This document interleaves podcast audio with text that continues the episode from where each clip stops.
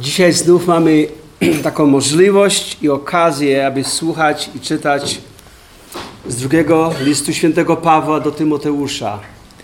I ten list jest Bożym Słowem. On nie tylko był Bożym Słowem e, dla Tymoteusza, ale to jest Boże Słowo dla nas. nie ma nic lepszego. Nie ma nic lepszego niż Boże Słowo. Piotr w swoim pierwszym liście powiedział takie słowa, jako odrodzeni nie z nasienia skazitelnego, ale nieskazitelnego przez Słowo Boże, które żyje i trwa, gdyż wszelkie ciało jest jak trawa, a wszelka chwała Jego jak kwiat trawy. Uschła trawa i kwiat opadł, ale Słowo Pana trwa na wieki. A jest to Słowo, które Wam zostało zwiastowane. Wszelkie chwała, wszelkie ciało jest jak trawa, a wszelka chwała Jego jak kwiat trawy. Uschła trawa i kwiat opadł. Jeden z moich niedalekich sąsiadów powiedział mi, że jego ojciec, zapytałem się, co u niego się dzieje, powiedział, że ojciec mu zmarł jakiś czas temu, nie tak dawno temu. Powiedział, odwiedziłem go dzień przed jego śmiercią yy, i powiedział mi, synu, czy to jest już, to jest wszystko to? Innymi słowy, czy to jest to, właśnie to? Życie to jest, to jest wszystko to, co już przeżyłem, to jest to? Mówi, tak to minęło. Następnego dnia umarł. Rzeczywiście, tak krótkie jest nasze życie. Pojawia się i znika. Ale jest coś, co trwa na wieki. Boże Słowo. Tak jak Bóg trwa na wieki, tak to, co On mówi, trwa na wieki. I, I, Piotr mówi, to jest to słowo, które wam zostało zwiastowane. Co za przywilej, że może nam być zwiastowane Boże Słowo. Pan Jezus powiedział, niebo i ziemia przeminą, ale moje słowa nie przeminą. Dlatego przeczytajmy to, co żeśmy czytali do tej pory. Idąc, idąc, przez cały list świętego Pawła do Tymoteusza, jesteśmy teraz w czwartym rozdziale. Przeczytamy osiem wersetów, ale skupimy się tylko na pięciu. Zaklinam, zaklinam Cię tedy przed Bogiem i Chrystusem Jezusem, który będzie sądził żywych i umarłych, na objawienie i królestwo Jego. Głoś słowo, bądź w pogotowiu w każdy czas, dogodny czy niedogodny. Karć, grom, napominaj z wszelką cierpliwością i pouczeniem. Albowiem przyjdzie czas, że zdrowej nauki nie ścierpią, ale według swoich upodobań nazbierają sobie nauczycieli rządni tego, co ucho łechce i odwrócą ucho od prawdy, a zwrócą się ku baśniom albo mitom, jak mówią inne tłumaczenia. Ale ty bądź czujny we wszystkim. Cierp, wykonuj pracę ewangelisty, pełnij rzetelnie służbę swoją albowiem już niebawem będę złożony w ofierze, a czas rozstania mego z życiem nadszedł. Dobry bój bojowałem, biegu dokonałem, wiarę zachowałem, a teraz oczekuje mnie wieniec sprawiedliwości, który mi w owym dniu da Pan, sędzia sprawiedliwy, a nie tylko mnie, lecz wszystkim, którzy umiłowali przyjście Jego. Drodzy, w tym fragmencie pisma mamy naprawdę ostatnie zapisane słowa apostoła Pawła. Jeden z najwspanialszych teologów, misjonarzy, którzy kiedykolwiek żyli w naszej erze. Apostoł Paweł, apostoł Pogan był bardzo aktywnym misjonarzem. Najpierw był prześladowcą, ale słowa Jezusa Chrystusa przemieniły jego życie i stał się wspaniałym głosicielem Ewangelii, misjonarzem dla Jezusa Chrystusa. Zakładał wiele wspólnot chrześcijańskich dla swojego Pana, ale także był wybranym narzędziem i Pan Jezus to powiedział, że On jest Jego wybranym narzędziem e, i między innymi wybranym, nie tylko, że zakładał różne wspólnoty, różne zboli, ale wybranym narzędziem, że przez Jego, przez Jego przez to natchnienie, jakie dał Mu Duch Święty, e, On spisał wiele listów i mamy wiele wiele ksiąg napisanych i jego autorstwem. E, I co? Lecz teraz Paweł pisze do Tymoteusza swój ostatni list. To jest już ostatni list i go pisze z więziennej celi. Nie ma już nadziei, że zostanie wyratowany, uwolniony. Dochodzi do wniosku, że nadszedł już czas jego trudnego życia, o czym żeśmy tutaj nawet przeczytali. On wiedział, że, że kończy się już jego życie, że ten bieg już się dopełnił e, i jest kwestia bardzo krótkiego czasu, kiedy zostanie, zostanie e, jego życie mu zabrane w sposób gwałtowny. Ten pisze do Tymoteusza i to jest jego taki zapisany testament. Testamentalny zapis. Jego ostatnie słowa zapisane w obliczu szybkiej, nadchodzącej śmierci. To wskazuje na to, że to, co Paweł napisał do Tymoteusza jest bardzo ważne, a przez to i dla nas wszystkich. Paweł jest już bardzo tragicznej z ludzkiego punktu widzenia sytuacji, ale co ciekawe, co jest ciekawe, że będąc u progu męczeńskiej śmierci, będąc w więziennej, e, e, zimnej celi, on nie jest zainteresowany przede wszystkim sobą. Lecz co absorbuje jego myśli, to Ewangelia i kontynuowanie, obwieszczanie tej dobrej nowiny przez Tymoteusza, współpracownika jego, jego i tych wszystkich, którzy przyjdą po Tymoteuszu, tak więc tak jak my tu dzisiaj jesteśmy. On był tym zatroskany, aby ta Ewangelia nie zatrzymała się na, na Pawle i nawet na Tymoteuszu, ale aby ta Ewangelia była dalej ogłaszana. Bo to jest, jak się za chwilę dowiemy, to jest ta obietnica życia. Tak zaczyna się ten list. Ewangelia to jest obietnica życia, która jest w Chrystusie Jezusie. Zajmijmy się teraz bardziej szczegółowo analizą tych pięciu wersetów z tego czwartego rozdziału.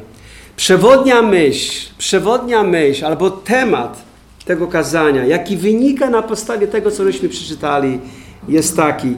Dlatego, że to słowo, ono trwa na wieki. Dlatego Paweł mówi do Tymoteusza, Tymoteuszu, wytrwaj w głoszeniu tego słowa. Wytrwaj w głoszeniu tego słowa, tego słowa, które trwa na wieki. Innymi słowy, podnoś ten autorytet Biblii przed oczami ludźmi, ludzi. Niech wiedzą, że to jest jedyny autorytet. Wynoś Biblię przed innymi jako ten jedyny autorytet w sprawach wiary i sprawach zbawienia. Ale dlaczego mamy głosić, dlaczego On ma głosić wytrwale to Słowo Boga? Popatrzcie się na poprzedni rozdział, bo one są, to wszystko jest połączone. Dlaczego ma głosić wytrwale to Słowo Boże? Werset, werset 16a. Całe pismo przez Boga jest natchnione. Dlatego ma głosić to słowo. Wytrwale. Bo to jest słowo Boga. Bo to jest słowo Boga. I ono jest nieomylne, dlatego że jest słowem Boga. Po drugie, ma głosić je druga część tego wersetu ma głosić to słowo, ponieważ ono przemienia życie. Ono jest pożyteczne do nauki, do wykrywania błędów, do poprawy, do wychowania sprawiedliwości. Ma głosić to słowo wytrwale, ponieważ ono zmienia życie. Ono jest Bożym Słowem, ono jest nieomylne, ale ono trwa na wieki i ono zmienia życie ludzi. To słowo zmieni Zmienia życie ludzi bardziej niż psychologia, niż jakakolwiek dziedzina ludzkiej nauki.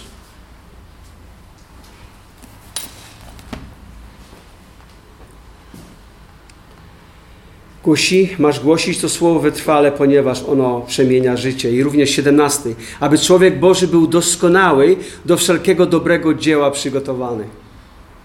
Tak mocne jest to słowo. Dlatego Tymoteusz mają ma to słowo głosić wytrwale. Punkt trzeci, mamy, dlaczego ma głosić? Bo co? Ponieważ jako kaznodzieja odpowie przed żywym Bogiem. Zaklinam Cię tedy przed Bogiem i Chrystusem Jezusem, który będzie sądził żywych i umarłych na objawienie Królestwo Jego, głoś Słowo. On ma głosić Słowo, ponieważ odpowie przed Bogiem, jak je głosił.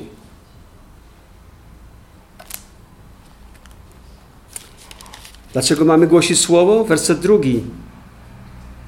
Grom napominaj z wszelką cierpliwością i pouczeniem. I werset, i werset piąty. Ale ty bądź czujny we wszystkim. Cierp, wykonuj pracę ewangelisty. Pełnij rzetelnie służbę swoją. Ma głosić to słowo, ponieważ ludzie potrzebują tego słowa bardziej niż kiedykolwiek. Bardziej niż kiedykolwiek.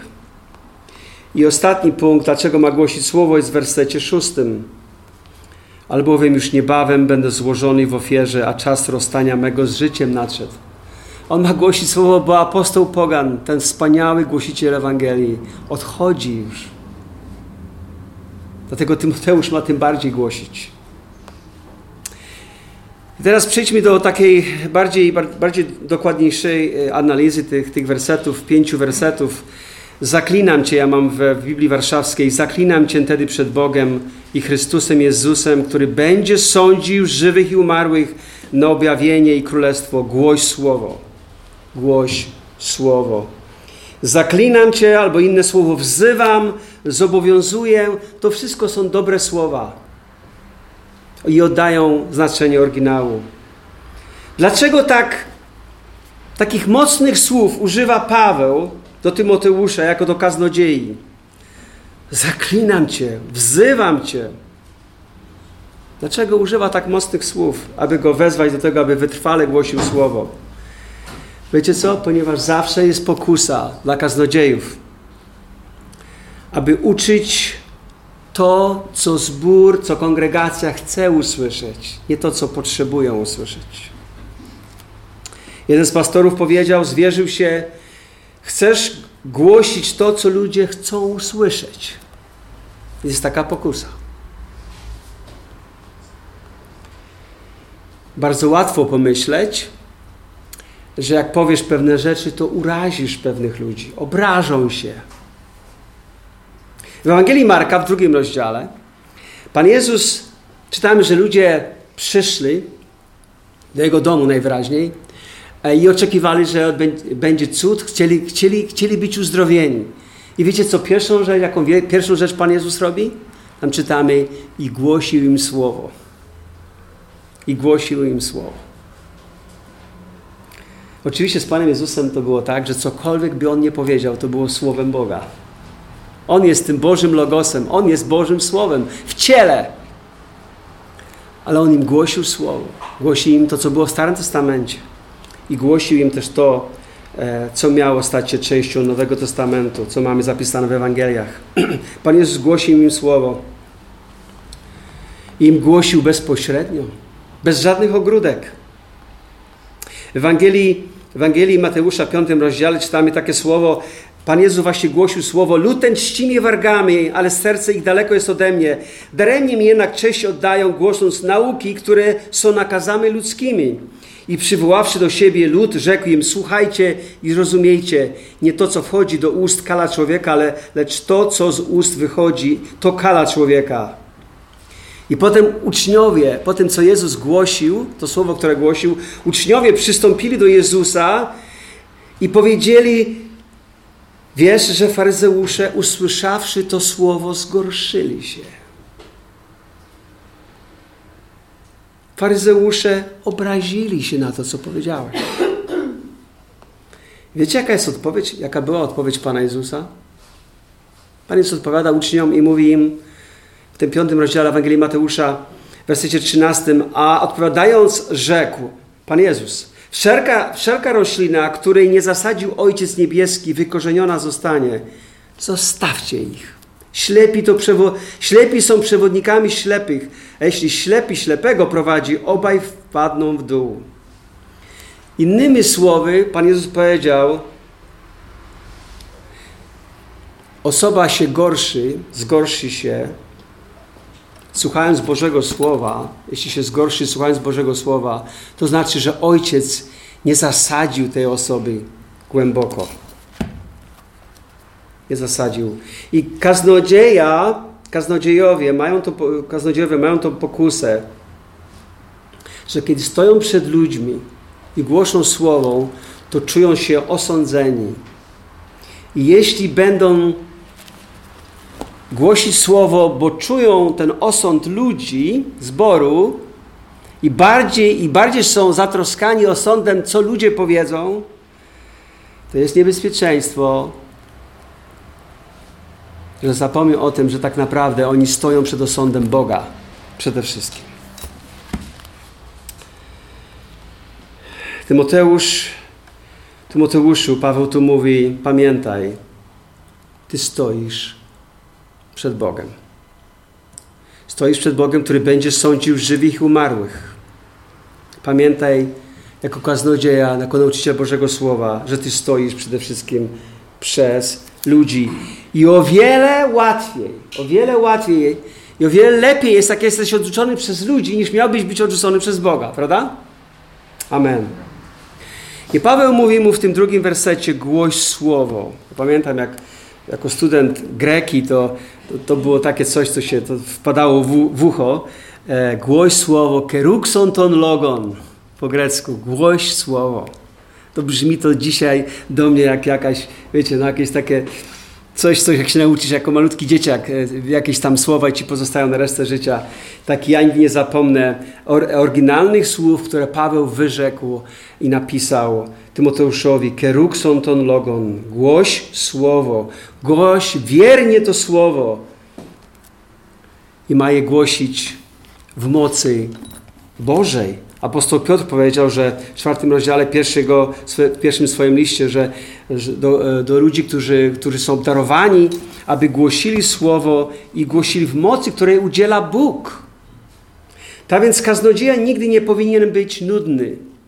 Nie powinien być nudny.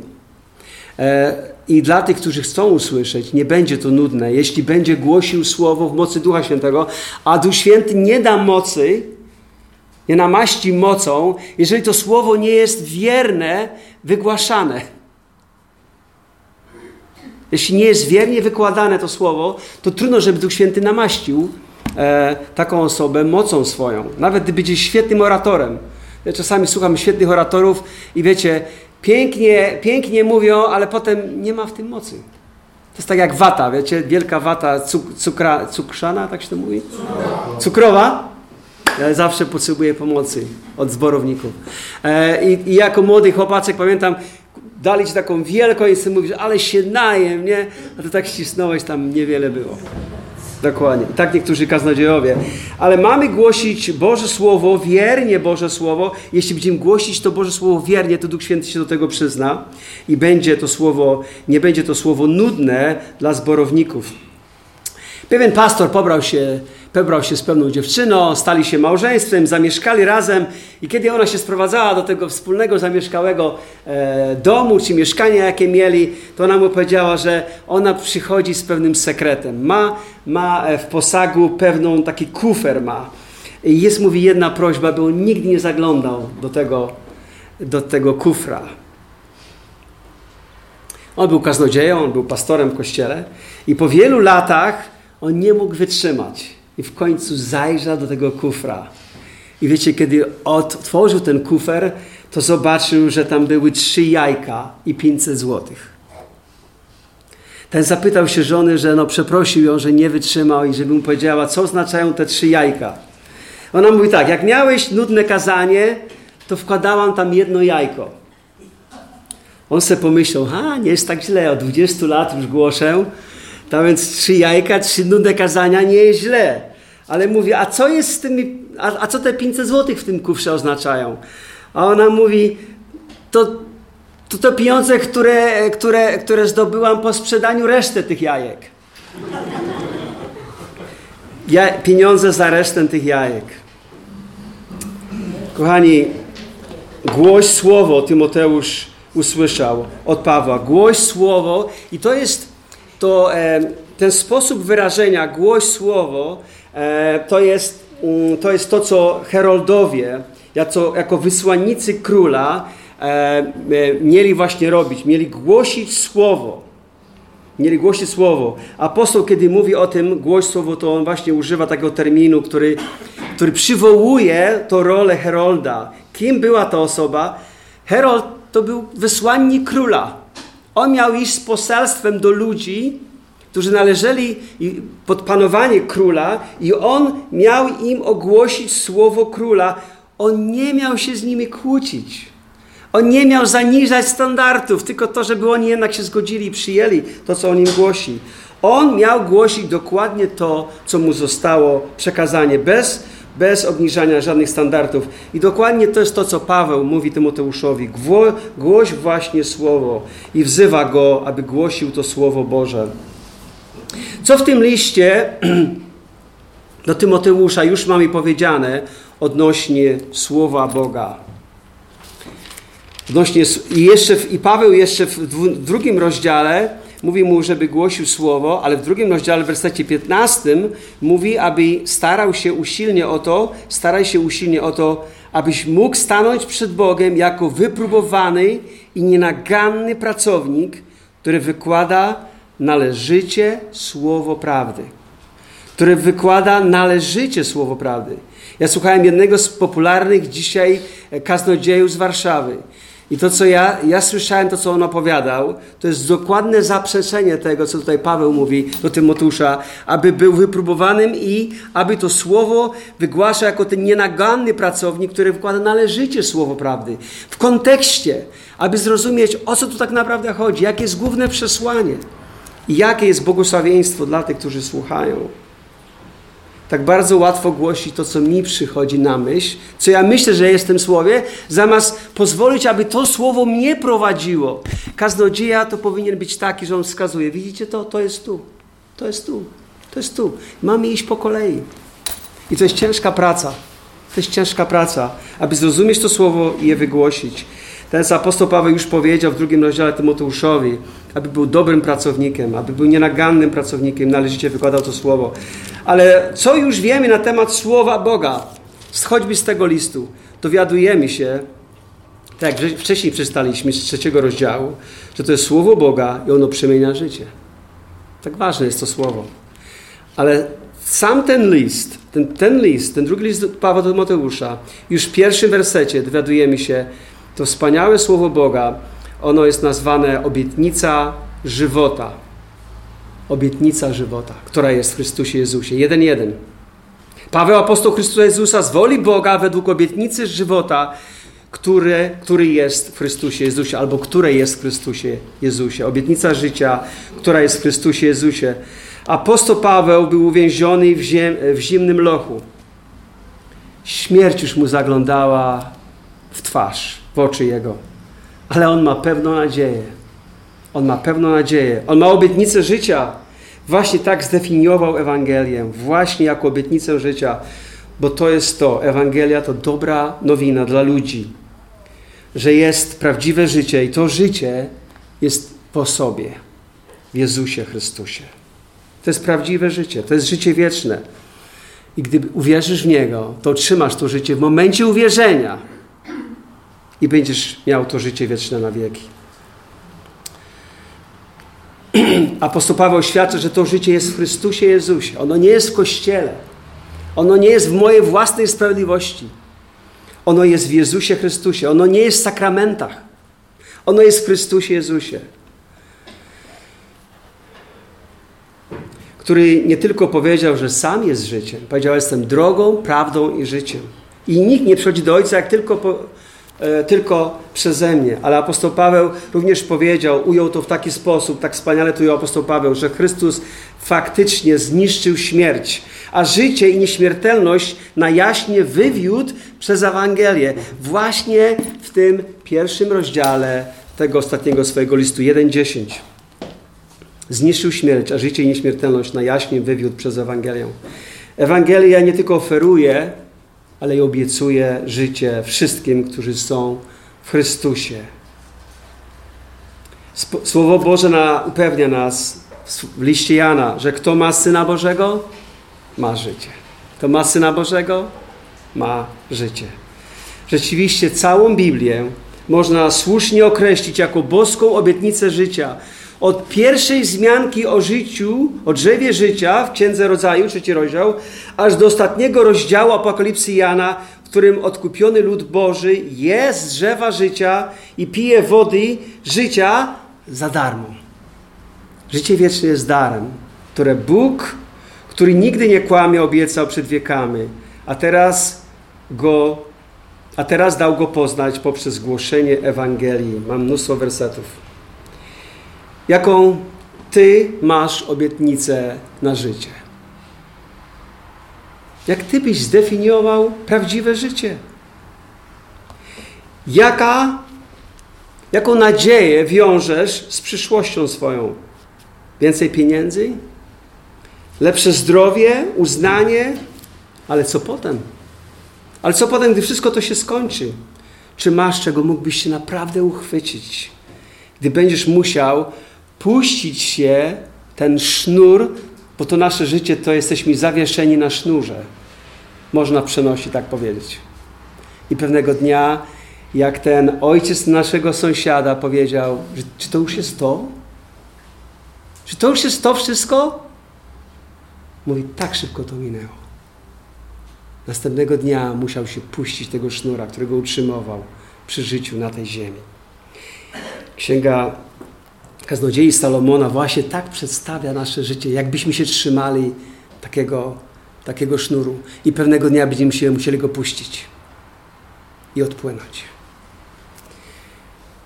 Gdy zawrą się drzwi na zewnątrz, gdy ścichnie łoskot młyna, dojdzie do tonu świergotu ptasząt i wszystkie pieśni brzmieć będą cicho, gdy nawet pagórka bać się będą i strachy czyhać przed czyhać będą na drodze, gdy drzewo migdałowe zakwitnie i szarańcza z trudem wleć się będzie, a kapar wyda swój owoc, bo człowiek zbliża się do swojego wiecznego domu, a płaczący snują się po ulicy, zanim zerwie się srebrny sznur i stłucze złota czasza i rozbije się dzban nad zdrojem, a pęknięte koło wpadnie do studni, wróci się prog do ziemi, tak jak nim był. Duch zaś wróci do Boga, który go dał.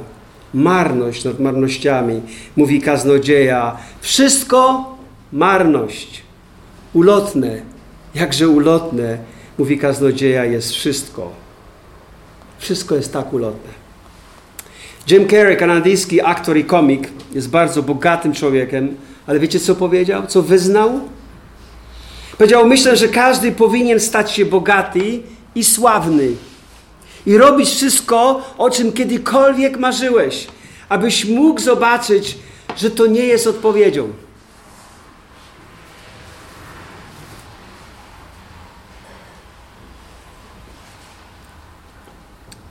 On wie, co mówi, ponieważ wszystko osiągnął, co można osiągnąć, co wielu ludzi pragnie. To wszystko osiągnął i to nie dało mu prawdziwej odpowiedzi. To nie dało mu tą odpowiedź, że to jest właśnie to, czego zawsze szukałem. Nie znalazł w tych rzeczach, które miał, które osiągnął sensu życia. Uświadomienie sobie, w czym nie znajdę prawdziwego sensu życia, jest już 50% sukcesem. Że to nie tu, ale pytanie, gdzie? I właśnie Pismo Święte, które mają głosić kaznodziejowie, lud Boży, który poznał to Słowo, mają głosić, mają wskazywać, że ten sens życia nie jest w jakiejkolwiek rzeczy, nie jest nawet w religii, ale jest w osobie, w osobie Pana Jezusa Chrystusa. On jest, nie jest zwykłą osobą. On jest Bożym Synem, który przyszedł do nas w ciele, Jezus Chrystus. I że na to zbawienie nie możemy zapracować, ale w pokorze jedynie możemy je przyjąć, uwierzyć, że dzięki relacji z Jezusem On zapewni mi życie wieczne, bo On tak obiecuje. Wiecie, co religia mówi? Religia mówi: staraj się, uwierz, staraj się, wypełniaj różne rzeczy, różne obrządki, różne sakramenty, a na końcu tej drogi, kiedy spotkasz Boga, Bóg zdecyduje, czy to było wystarczające, czy nie. Podczas gdy Boże Słowo mówi nam, że już na początku drogi, jako obierasz, aby iść za Bogiem. On już ci daje zapewnienie życia wiecznego. W momencie, na początku tej drogi, nie na końcu. Możesz być pewny, bo to jest Jego dar, Jego obietnica życia, którą daje dla wszystkich tych, którzy w pokorze mówią: Ja zawiniłem, ja zgrzeszyłem, ale wiem, że Chrystus jest tym, tą jedyną drogą, tym jedynym zbawieniem dla mnie i ja chcę iść za Nim. I w tym momencie, to się nazywa nawróceniem, odwróceniem się od mojego życia, a zwróceniem się do Chrystusa i poproszenie Go, aby On przejął ster mojego życia, w tym momencie, gdy to zrobię, naprawdę szczerze, to Bóg już mi obiecuje, że mam życie wieczne. I to jest dobra nowina, prawda? To jest dobra nowina. Czy masz obietnicę życia wiecznego, które, którą daje Bóg tym, co się opamiętają i wchodzą w relację z Jezusem Chrystusem przez wiarę? Czy jesteś pewny, że pójdziesz do nieba? I tylko Bóg i Jego Słowo mogą Cię zapewnić o tej, o tej pewności. Jak to dobrze, że nam dał swoje święte Słowo, Biblię. I ta Biblia nam mówi, że jedyna obietnica życia jest w Chrystusie. W Jezusie Chrystusie. Jest wiele dróg, ale jest tylko jedna prawdziwa. Pan Jezus powiedział, że jest drogą, prawdą i życiem. Powiedział, że jest szeroka droga, która wiedzie na tracenie, a jest wąska, która prowadzi do żywota wiecznego. I On jest tą drogą, i On jest tym życiem. I to jest to, co kaznodziejowie mają głosić. I to jest to, co wszyscy ludzie Boży mają głosić. Głosić Boże Słowo, głosić je wiernie. Wynosić tą, tą Biblię jako jedyny autorytet dla naszego zbawienia. Apostoł Paweł mówi Tymoteuszu, wiernie głoś słowo. Nie patrz na to, czy to się spodoba ludziom, czy nie. Wytrwale i wiernie głoś słowo Boga. Wynoś Biblię przed ludźmi. Oglądałem pewne, pewien wywiad e, bardzo znanego, który już nie tak dawno zmarł, w czasie COVID-u zmarł, Larry King. Larry King. To był agnostyk, z tego co pamiętam, żydowskiego pochodzenia, ale amerykański dziennikarz. Stał się bardzo, bardzo sławny prowadził taki program bardzo znanej w telewizji amerykańskiej. I on, I on miał wywiady z różnymi ludźmi. On się specjalizował w rozmowach z najbardziej znanymi osobami na świecie, politykami, aktorami czy sportowcami. Nie unikał też rozmów ze zwykłymi osobami, które nagle stały się sławne. On był mistrzem zadawania prostych pytań.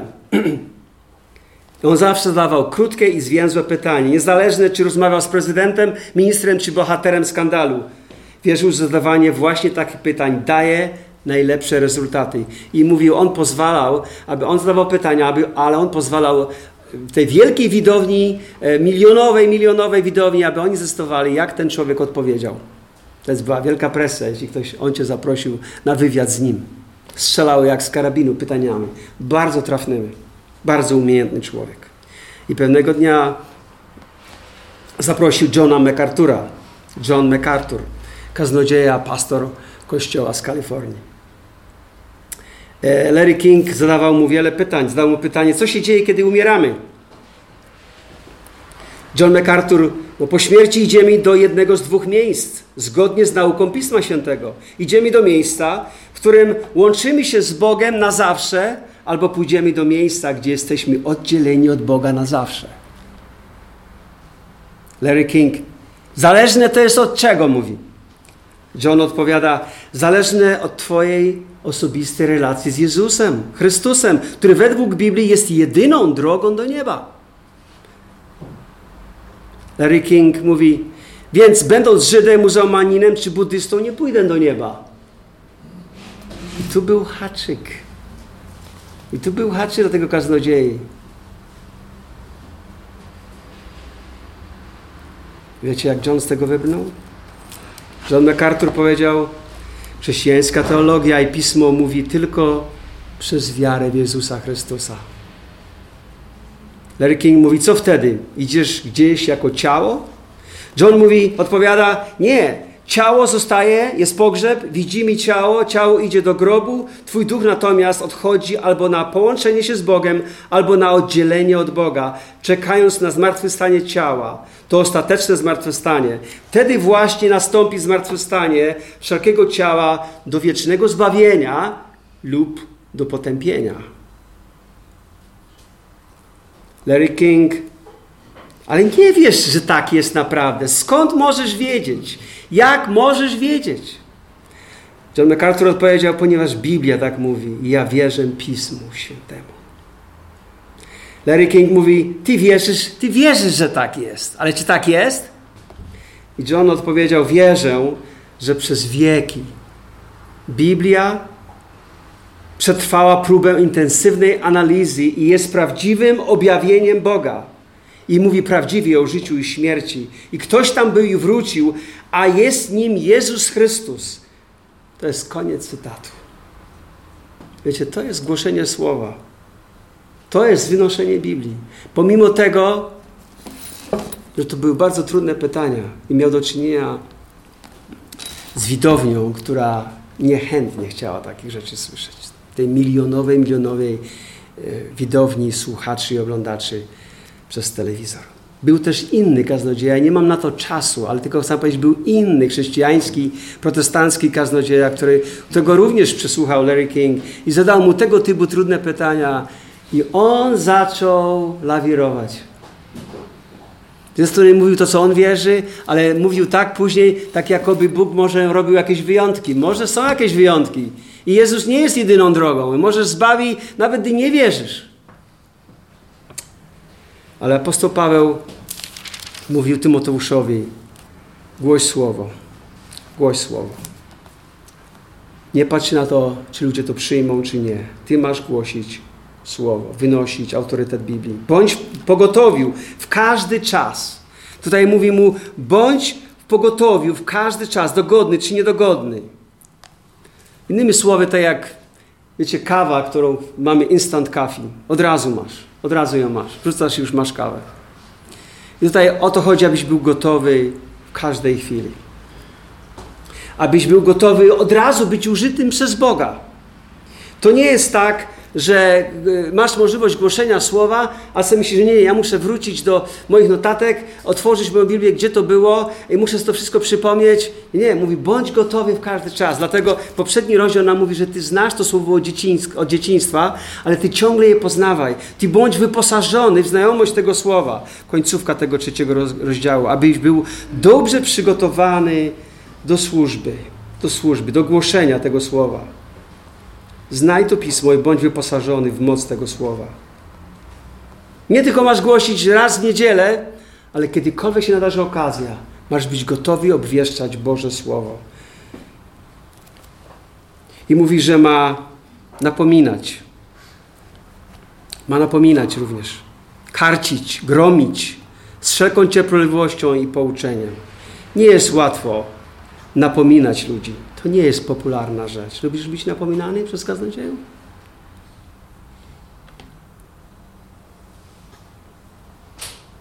Również w pracy możesz powiedzieć, gdy ludzie obrażają Chrystusa, proszę, nie przeklinaj mojego Pana i Zbawiciela.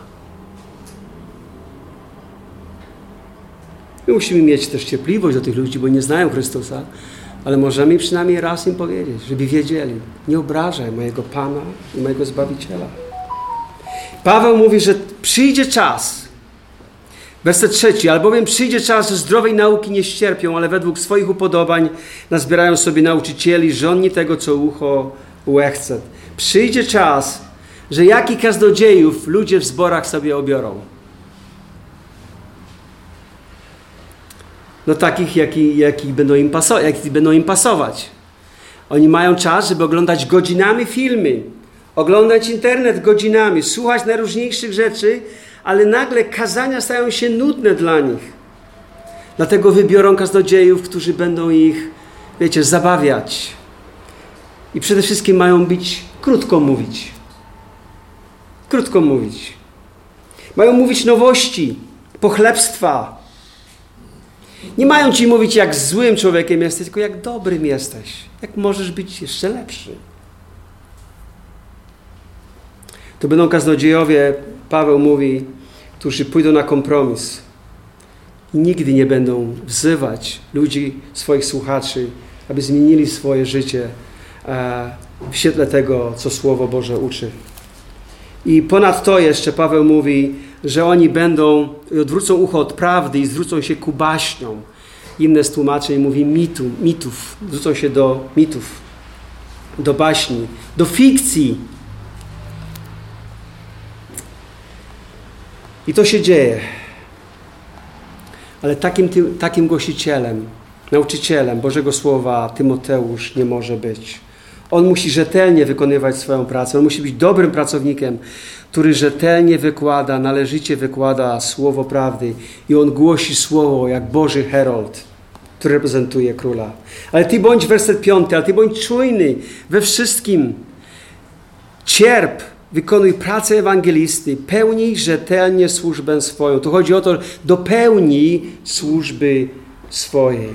Głoś słowo, bo ludzie potrzebują to słowo usłyszeć bardziej niż kiedykolwiek indziej. Wykonuj pracę ewangelisty. Głoś tą dobrą nowinę. Ewangelia to jest dobra nowina, kochani. To jest wiadomość. A wiecie, co się z wiadomością robi? Się po prostu ogłasza. Się po prostu ją rozgłasza. Już w pierwszym rozdziale, 1.8, Paweł mówi mu tak. Nie wstydź się. Więc świadectwa o Panu naszym, ani mnie, więźnia Jego, ale cierp wespół ze mną dla Ewangelii, wsparty mocą Boga. Nie wstydź się. Nie wstydź się składać świadectwa o Panu Jezusie Chrystusie, ani nie więźnia Jego. Pamiętajmy, że Tymoteusz nie był przebojową osobą. Masz taką? Nie jesteś przebojowy? Jesteś taki bardziej wycofany? Możesz być zachęcony Tymoteuszem. A jednak usłyszał słowa nie wstydź się. Bądź odważny. Składaj świadectwo. Dlaczego wierzący mieliby się w ogóle wstydzić, powiedzcie mi, głoszenia Ewangelii? Dlaczego mieliby się wstydzić? Dlaczego mieliby się bać? No, odrzucenia. Lubisz być odrzucany? Będziesz głosił Ewangelię, musisz być na to przygotowany, że będziesz odrzucony. Czasami ci nie powiedzą bezpośrednio, ale ich oczy pokażą ci, że co ty wygadujesz? Skąd ty się urwałeś? To nie jest przyjemne. Tego odrzucenia wstępnego się obawiamy. Odrzucenia, ale nawet cierpienia i prześladowania. To właśnie przydarzyło się Pawłowi, dlatego że głosił Ewangelię i wrzucili go do więzienia. I ludzi już w tym czasie więzili za to, że głoszą o Chrystusie. Chrześcijanie boją się głosić Ewangelię, bo boją się, że stracą pracę. Ja wiem, że powinniśmy być ostrożni i mądrzy, w pracy pracujemy, ale też jeśli się nadarzy okazja, właściwa okazja, powinniśmy ją wykorzystać. Mądrze. A apostoł, dlaczego, dlaczego nie, nie głosimy często? No bo się wstydzimy, boimy się odrzucenia, boimy się, że utracimy reputację. Ale Tymoteusz nie będzie mógł powiedzieć pod koniec swojego życia, że biegu dopełniłem, wiarę zachowałem i, i służbę dopełniłem, jeżeli nie będzie opowiadał tej Ewangelii. Że ona się zatrzyma na nim. Jeśli on będzie tym ostatnim ogniwem. On ma ją przekazywać dalej. I, I gdy głosimy Ewangelię, to wzywamy ludzi do upamiętania i do wiary w Pana Jezusa. Mówimy o Jego doskonałym życiu, o Jego śmierci i o tej śmierci, na której gdzie zawisł na krzyżu, to on już tam dopełnił zbawienia. No on dopełnił zbawienia. Zbawienie się już dokonało. Bóg już chętnie Cię zbawić i On Ci to oferuje jako dar, ale musisz się opamiętać i właśnie uwierzyć, że Jezus jest jedyną drogą, jest jedynym Zbawicielem i osobiście Go poprosić, aby On Cię zbawił. To jest to, do czego wzywamy ludzi. Nie tylko wzywamy ich do upamiętania, ale do wiary w Pana Jezusa Chrystusa. I właśnie za to, że mówimy, że Jezus jest jedyną drogą, dlatego spotyka nas odrzucenie, dlatego spotyka nas prześladowanie. Gdybyśmy ogólnie tylko mówili o Bogu, to byłoby ok. Oni by wstawili tam swoją koncepcję Boga. Ale kiedy mówimy o Jezusie Chrystusie, już narażamy się pewnym ludziom. Dlatego ja w rozmowach z ludźmi, jak najszybciej jest tylko to możliwe, mówię o Chrystusie, nie tylko ogólnie o Bogu, ale właśnie Jezusie Chrystusie, bo On jest tą drogą, On jest naszym Zbawicielem. Jedna z naszych sióstr tutaj z naszego zboru opowiadała mi tydzień temu, ponad tydzień temu, że zdobyła się na odwagę i powiedziała swojej studentce, koleżance ze studiów o Jezusie Chrystusie. I okazało się, że ta dziewczyna rzeczywiście miała wiele pytań, przeżywa wiele tego, co się dzieje na świecie. Jest wiele, ludzie mają niepokój odnośnie tego, co się dzieje. Ludzie, którzy mają jakiekolwiek poczucie moralności, to widzą, że coś nie, dzieje się nie tak w tym świecie. Ten świat pędzi, ale wpędzi w przepaść. I ona otworzyła się przed, przed naszą siostrą, która jej składała Ewangelię. Okazuje się, że zaczyna mieć coraz więcej pytań. Jest nadzieja, że będą razem czytać Biblię. O nią żeśmy się modlili tydzień temu. Ten Paweł mówi, nie wstydź się świadectwa o Panu naszym Jezusie Chrystusie. Wykonuj pracę ewangelisty, dopełnij swojej służby. I wiecie, jaka wspaniała zachęta jest, jak to Paweł mówi w tym e, wersecie ósmym pierwszego rozdziału, że będziesz wsparty mocą Boga będziesz wsparty mocą Boga. Znaj to słowo, znasz, znajdź to słowo, weź ten pierwszy krok odwagi, aby powiedzieć komuś Ewangelię i okazuje się, że Bóg postawi ci ludzi na drodze, którzy może będą chcieli usłyszeć. A nawet gdy nie będą chcieli, to i tak wypełnisz swój obowiązek. Dopełnij tej służby. Bóg cię wyposaży. Bóg cię wyposaży. Bóg ci przypomni to, co wiesz. Dlatego jest tak ważne, abyśmy studiowali Biblię. Jest ważne, abyś znalazł czas na studium biblijne. Osobiste, ale też grupowe, abyś się wzmacniał w tym Bożym Słowie, abyś miał co przekazać innym, abyś był gotowy na przekazanie tego Słowa w każdej chwili, dogodnym czy niedogodnym. Głoś Słowo, wytrwaj w głoszeniu Słowa. Wynoś ten jedyny autorytet, jaki mamy w Bożym Słowie, w Biblii. Niech ta historia, którą teraz za chwilę opowiem, niech będzie zachętą, że, że jeśli odważymy się głosić, nawet gdyby wyglądało to na to, wyglądałoby na to, że jest nieudolna ta nasza próba głoszenia, to nasz mistrz, jak czytamy, on wesprze nas, sparty mocą Boga. I to jest historia z życia wzięta. Ignacy Padarewski, wielki polski kompozytor i pianista, miał odbyć koncert w jednej z wielkich sal koncertowych w Ameryce. To miał być wyjątkowy niezapomniany wieczór dla wszystkich. Szlafroki, długie suknie, ekstrawagancja ludzi z wyższych sfer. Na ten koncert przyszła pewna matka z niespokojnym dziewięciolatkiem, z synem, który miał dziewięć lat. Zmęczony czekaniem, wiercił się cały czas w siedzeniu. Jego matka miała nadzieję, że gdy mały usłyszy mistrza nad mistrzami, samego wielkiego Paderewskiego, jeśli mógłby zobaczyć i usłyszeć wielkiego Paderewskiego, wtedy będzie zachęcony, aby dalej grać na pianinie. Chociaż był, chociaż ten syn nie chciał iść na koncert z nią, ale jednak no, przy, zgodził się, że, że pójść z mamą na ten koncert, przyszedł i gdy już tam siedzieli, już tam siedzieli, czekali na wyjście wielkiego mistrza na scenę, e, to nagle ta jego matka odwróciła się, aby porozmawiać z przyjaciółmi, którzy tam siedzieli obok. Jej syn nie mógł wytrzymać, nie mógł wysiedzieć na miejscu, wymknął się i dziwnym sposobem e, e, przyciągany był do tego wspaniałego E, zrobionego z hebanu klasowego fortepianu Steinwaya, e, który był właśnie podświetlany mocnymi reflektorami. Niezauważalny przez ekskluzywną widownię, chłopiec usiadł na taborecie za tym pianinem. Wpatrując się w czarne i białe klawisze, zaczął nerwowo stukać. Nagle cała widownia się wyciszyła, spoglądają z, niezadowolonym, spoglądają z niezadowolonymi twarzami, zwrócili się w, w jego kierunku. Pod, zaczęli się irytować tym, co on robił, tym jego graniem, zaczęli się irytować. Nagle zaczęły się głosy pojawiać z widowni, usuńcie tego chłopaka stamtąd.